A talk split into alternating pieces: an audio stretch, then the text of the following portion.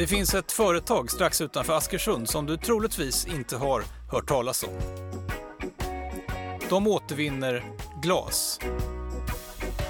Allt glas, för att vara mer exakt. Vi är den enda glasåtervinnaren i Sverige så att allt glas ifrån Haparanda till Ystad. Det innebär att vi, ja, vi finner mellan 25 och 30 eh, långtradare om dagen med glas från hela Sverige. I veckans avsnitt av Kapitalet så tittar vi in i det okända svenska återvinningsmonopolet vid Vätterns strand. Jag heter Jakob Bursell.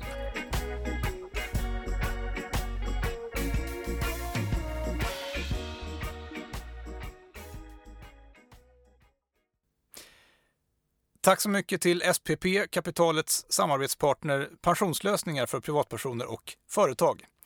Och Affärsvärlden, ekonomi och finansmagasinet, halva priset på affärsvärlden.se kapitalet. Veckans eh, program sponsras också av Odin Fonder, aktiv fondförvaltning alltså. Jag var på en lunch med Odin i veckan dit man hade bjudit in Gert-Erik Lindqvist, eh, mångårig VD på Nibe, ni vet värmepumparna från Småland som sitter överallt. Han höll ett eh, ganska eldfängt tal om att det var bra att ha för mycket att göra, att investmentbankirer inte var så mycket att hänga i julgranen och att det är bra att göra personalen till delägare i bolaget för långsiktig framgång. Väldigt inspirerande faktiskt och eh, kanske så förklarar det att Nibe är på all time high. Just Nibe och eh, Gert-Erik Linkvist Lindqvist förstår jag utgör också arketypen för den typ av bolag och bolagsledningar som Odin letar efter i sin förvaltning. Det ska vara långsiktiga företagsledningar och starka företagskulturer. Affärsmodeller som inte alltför enkelt kan utmanas av konkurrenter och bolag som inte råkar vara för dyra just i stunden. Att köpa efter korrektioner, det gillar man, men man köper aldrig förhoppningsbolag, forskningsbolag eller statskontrollerade bolag. Om ni gillar det här receptet, eh, kolla in odinfonder.se. Ni kan också följa dem på Twitter och på LinkedIn. Och så har jag träffat eh, Tessin, plattformen där du kan investera direkt i fastighetsprojekt. Hur jobbar egentligen bolagets mest eh, sofistikerade användare? Det undrar jag. Och hur stor är den största investeringen som har gjorts hittills av någon användare? Eh, jag tror att den ligger på 3,5 miljoner eh, i ett projekt. Och många, alltså vi har ju många större investerare som går in med större belopp i, i i många projekt. Så att eh, flera, flera investerare har ju varit inne i 25-30 projekt bara för att få den här exponeringen mot, mot många, många olika projekt, många olika typer av projekt eh, och olika risknivåer också. Hur eh, jobbar era mest eh, liksom, sofistikerade investerare skulle du säga? Eh, de tar eh, chansen eh, att läsa på ordentligt om projektet. Eh, vi försöker tillhandahålla så mycket information som, som det går om de här casen. Och vi jobbar nu också för att göra det mer lättillgängligt, eh, ta bort mer löptext och jobba mer i tabellform så att man enkelt ska förstå eh, hur, hur caset är upplagt. Men man ser till att läsa på ordentligt och få, få en bra bild av, av projektet. Och det har man alltid möjlighet att, att göra i och med att man när man investerar så reserverar man en andel först och sen så får man investera i materialet och sen har man tid på sig att, att bestämma sig innan själva signeringen sker. Eh, så att jag skulle säga att de, de tar sig tiden att, att titta på det. Jonas Björkman på Tessin alltså. Och eh, mer information om de senaste projekten på tessin.se.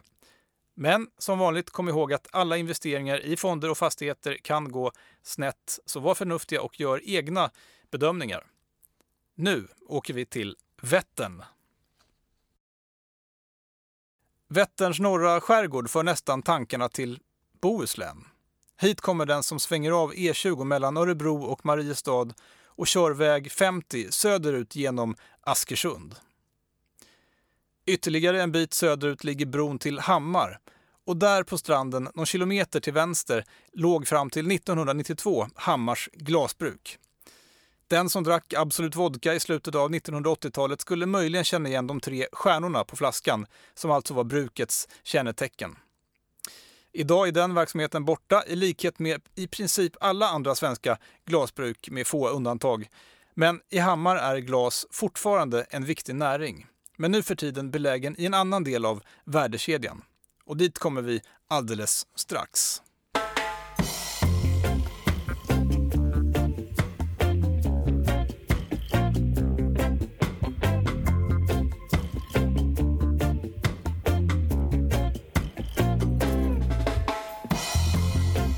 Vi svenskar producerar avfall som aldrig förr. Ungefär 480 kilo per person och år, 2015 i alla fall. I absoluta tal så rör det sig om nästan 5 miljoner ton, vilket är en fördubbling sedan 1975. Under samma period har befolkningen ökat med 25 procent, vilket kanske visar hur mycket vi människor gillar att konsumera. Men vi har dock blivit bra på att ta hand om avfallet. Riktigt bra faktiskt. Av 480 kilo per person så slänger vi knappt fem på sophögen. En praxis som i princip är borta i Sverige. Det var ju annorlunda förr, så att säga. Runt 75 kilo går till biologisk återvinning, det vill säga rötning. 230 kilo drygt, alltså knappt hälften, eldas upp och förvandlas till runt 17 terawattimmar värme och el. Vilket motsvarar årsproduktionen i två kärnkraftsreaktioner, ungefär. Men resten, knappt 170 kilo avfall per person och år, går till materialåtervinning. Och nu pratar vi alltså om de gröna lådorna utanför ICA. Vi återvinner knappt 50% av plastavfallet, drygt 70% av alla metallförpackningar, 82% av alla kartonger och drygt 90% av alla returburkar. Det här är siffror som gör Sverige ledande i världen mer eller mindre, om man nu tycker att återvinning är en bra sak, det vill säga. Men det vi svenskar återvinner mest av allt, det är faktiskt glas. Och varenda skärva, från syltburkar från Haparanda till importerade ölflaskor i Ystad, återvinns under ett och samma tak i Hammars gamla glasbruk. Eh, Egentligen började väl glasåtervinningen med att eh, eh det stora genombrottet kan man säga var nog i Göteborg när man införde glassiglor. Och det baseras lite grann på att eh, eh man hade problem med att få glas i, i soporna och man hade problem med, med vikt och, och med risk för skärsår. Och då införde man då glassiglor för en glasinsamling. Så det kan man säga är väl lite, lite grann av, av starten.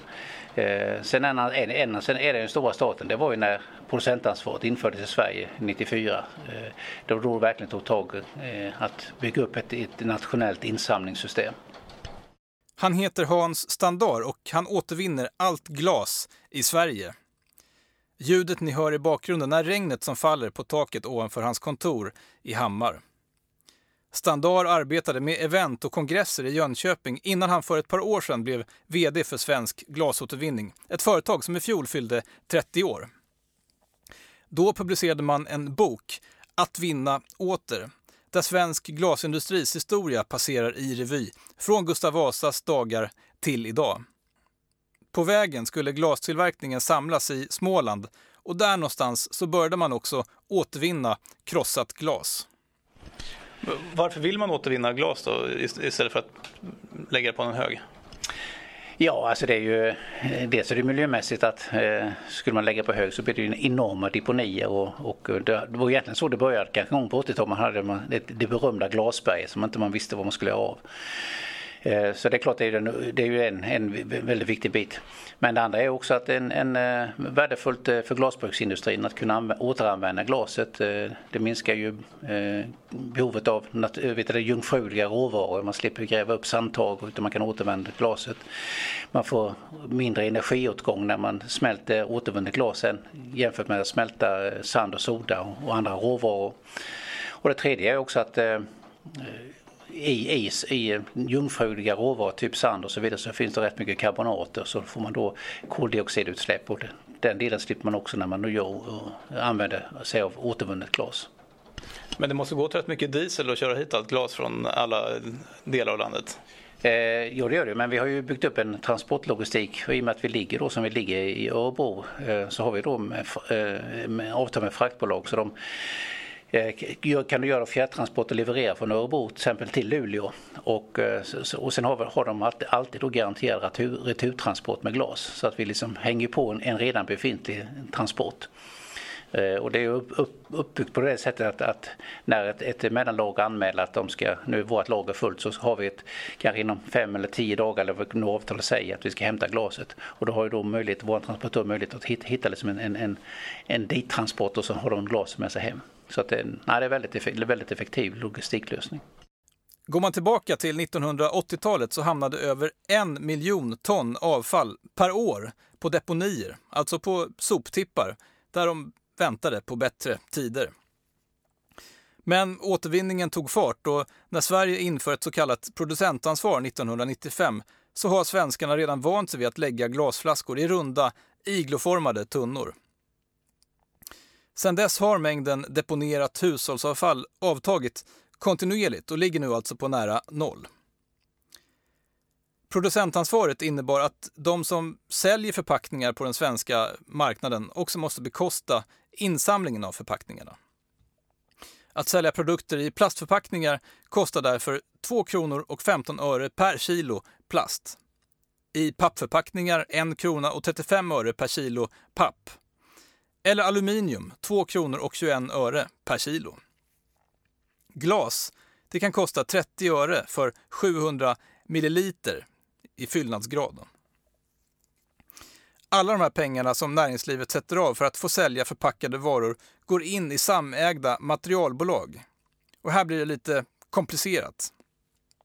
Man har Metallkretsen som ägs av dagligvaruhandeln och RK Returkartong som ägs av pappersindustrin. Och totalt finns fem sådana här materialbolag som i sin tur äger insamlingsföretaget Förpacknings och tidningsinsamlingen, FTI. Och det är alltså FTI som ställer ut och underhåller de gröna insamlingslådorna som ni ser på stan. Inte helt okomplicerat och då är det här ändå bara de stora dragen. Men på den vägen så sätts det av ungefär 750 miljoner kronor per år i förpackningsavgifter som alltså bekostar insamlingen av din återvinning. Utan mellanupplag eh, i regel. Och, eh, de där eh, flaskorna eller containrarna är bara avsedda för glas, ingenting annat.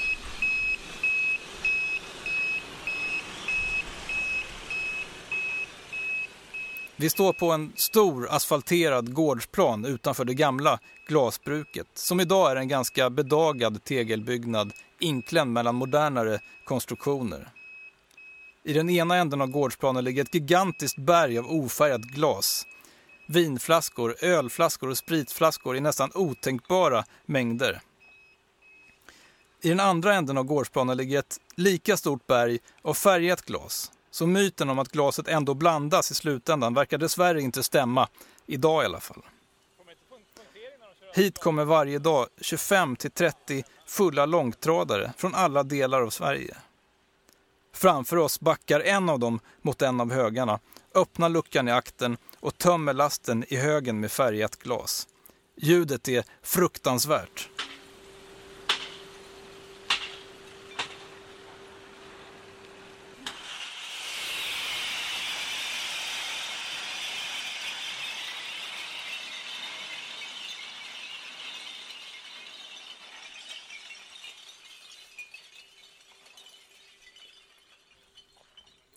En bulldozer åker skytteltrafik mellan Glashögen och fabrikshuset ett stenkast bort. Skopor fulla med glas töms in i en mataranordning av något slag och därefter är karusellen igång.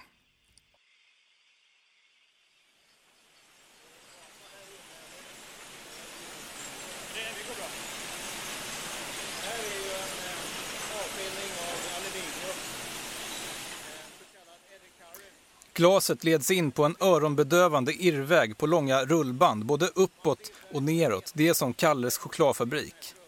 Etiketter och annat skräp avlägsnas med luftströmmar. Järn och stålskrot sållas bort med stora magneter. Endast på en plats i fabriken så träffar vi en livslevande människa. En kvinna vars jobb är att för hand plocka bort föremål som maskinerna inte kan hantera. Däribland, den här gången, en bucklig termos som kommer farande på rullbandet bland alla glasbitar. Till slut så faller glaset över en kant i en österrikisk maskin som filmar bitarna med ett starkt ljus i bakgrunden. Om maskinen upptäcker en glasbit av fel färg, just den här dagen så sorteras färgat glas, så griper den in och blåser bort biten med en kraftig puff. Det tar bara 10 millisekunder. Och efter två varv i sorteringen så har brunt glas sorterats från grönt och grönt och brunt från ofärgat. Vi kommer till slut ut genom en dörr på andra sidan fabriken och hamnar bredvid en växande glashög där bitarna, nu stora som småmynt, rasslar fram på ett sista rullband.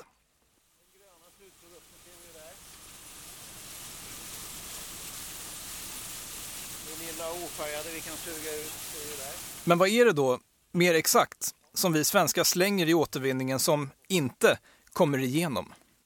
Vi får in allt. Eh, det, det, är väl som så att man, folk, man slänger in, in en tunna så plötsligt bara försvinner det. Tycker man att det var, det var det problemet borta. Så det kan, det kan komma in, det kommer ju in, eh, ja, dels kommer det in, kan det komma in mycket, mycket elektriskt med glödlampor, lysor och liknande som man tycker ska slängas där. Man får in eh, kanske dricksglas, vi får in eh, porslin, tallrikar, muggar. Eh, sen kan det komma plånböcker, registreringsskyltar, det, alltså allt kan man, man kan tänka sig.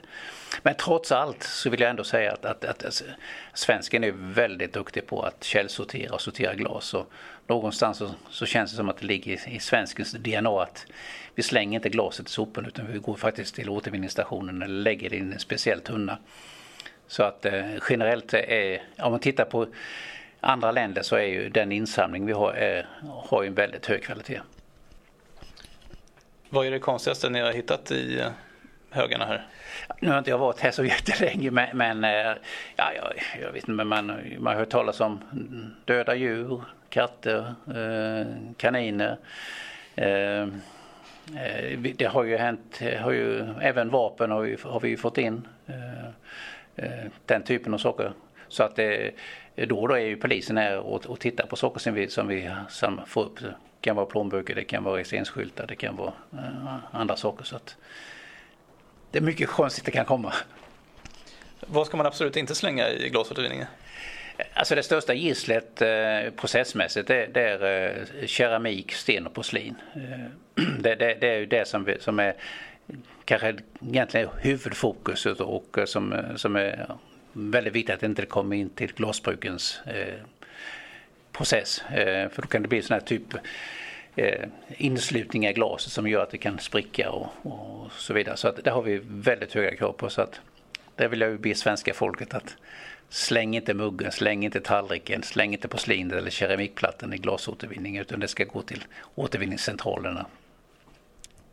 Men är det mer ekonomiskt för glasbrukarna att köpa råvara från er istället för att köpa sand och, allt vad det är?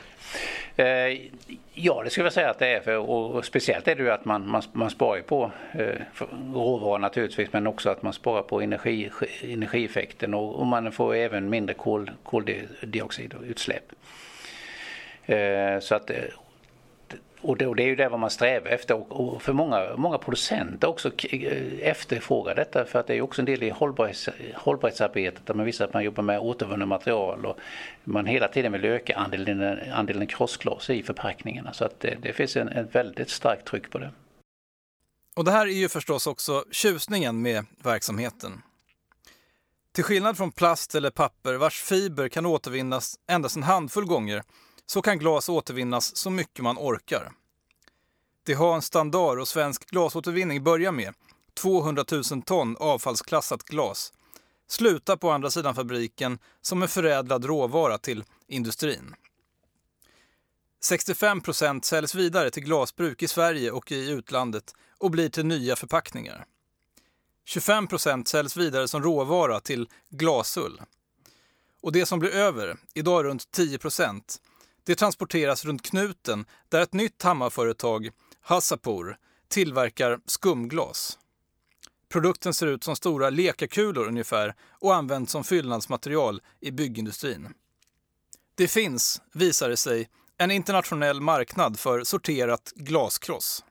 Eh, ja, det, man kan säga att det finns ju då kvalitetsspecifikationer som är ja, kanske inte internationella men de är i alla fall på Europanivå eh, på reningsgraden och hur, hur färgsorteringen ska se ut. Så, det, det, finns en, kan man säga, det finns eh, så, lite standardprodukter.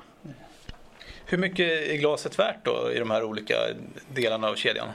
Alltså när det kommer in till oss är det ju, då har det ju ett, ett negativt värde. Det, det, är ju liksom en, en, det är en dyr process att samla in och, och, och, och sen är det ju när vi har konverterat det, eh, det är ju då liksom ett värde uppstår. Och, eh, men det är ju, ändå är ju ett, ett, ett jämfört med metaller och liknande så är det ju ett lågvärdigt material.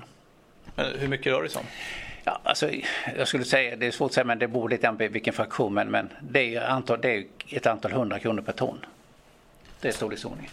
Som ni kan ta betalt av glasbruken då? Som vi kan ta betalt av, av glasbruken, ja. Jag hittar inga entydiga uppgifter på nätet om hur återvunnet glas handlas och till vilka priser. Det heter Glass Cullet på engelska för den som är nyfiken. Men svensk glasåtervinning omsätter runt 220 miljoner kronor per år varav 132 kronor kommer från producentavgifter och 88 miljoner från försäljning av glas som råvara. Det ger ett genomsnittligt pris per ton på runt 450 kronor där ofärgat glas enligt Hans Standard betalar bättre än färgat. Men här i finns också en kanske lite mer oväntad intäkt. För varje år sorterar man bort 1000 ton metall, varav merparten är aluminium. Och den, den säljs till Stena Aluminium i Älmhult, där den förvandlas till aluminiumtackor. I en tid där det här med cirkulär ekonomi har blivit något av ett modord så verkar glasindustrin helt enkelt ligga ett steg före. Och det var alltså glasvinningsmonopolet i Hammar, ett par kilometer från Askersund vid Vättern.